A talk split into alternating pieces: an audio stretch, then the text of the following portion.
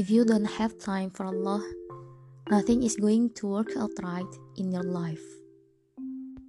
Kalau kamu gak punya waktu buat Allah, gak akan ada satupun di antara urusan hidupmu yang akan berjalan dengan baik. Quote of Dr. Bilal Philip Para ulama mengatakan, perbanyaklah membaca Al-Quran. Niscaya urusanmu akan mudah. Saat masih berada di bangku kuliah, saat itu masa-masa ujian akhir. Aku lebih banyak menggunakan waktu untuk merojaah daripada belajar. Baru buka buku saat udah lumayan malam. Begitu terus dalam sepekan. Ya meskipun saat ujian, banyak soal yang aku tak yakin telah jawab dengan benar. Meski banyak yang ku jawab dengan metode, hmm, kira-kira, ya gitulah.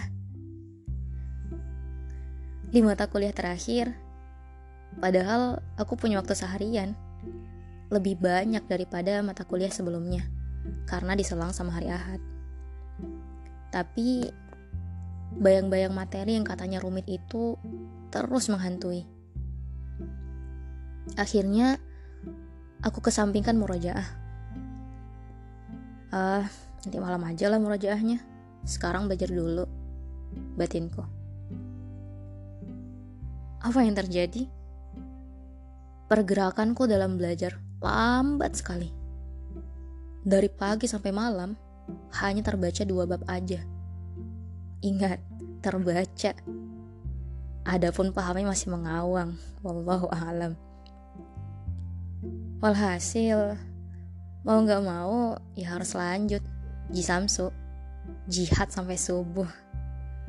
Merojaah pun terlewatkan. Hari itu, Allah tegur aku lewat ujian itu. Rasa optimis yang dikuat-kuatkan sebelumnya seketika sirna saat melihat lembar soal. Aku tahu bahwa materi itu yang baru saja ku baca tadi pagi. Udah ke review berulang-ulang kali. Tapi apa? Pikiranku blank, kosong. Sel-sel dalam otak mengerahkan pasukannya, mencari sang materi yang tiba-tiba menghilang. Hei, di mana kau? Gak ada sahutan. Nihil. Hmm. Hari demi hari berlalu, hingga semua hasil ujian keluar. Benar saja.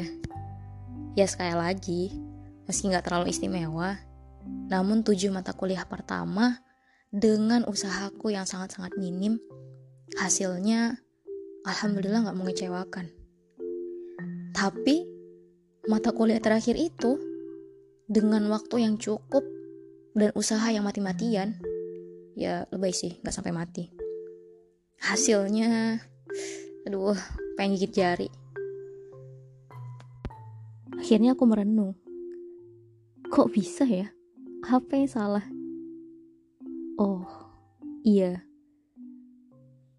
Di tujuh mata kuliah pertama aku mengutamakan murojaah. Aku mengutamakan Al-Quran daripada hal yang lain. Lalu kemudian Allah berikan aku keberkahan Al-Quran itu baru baca satu dua kali, langsung paham dan ingat.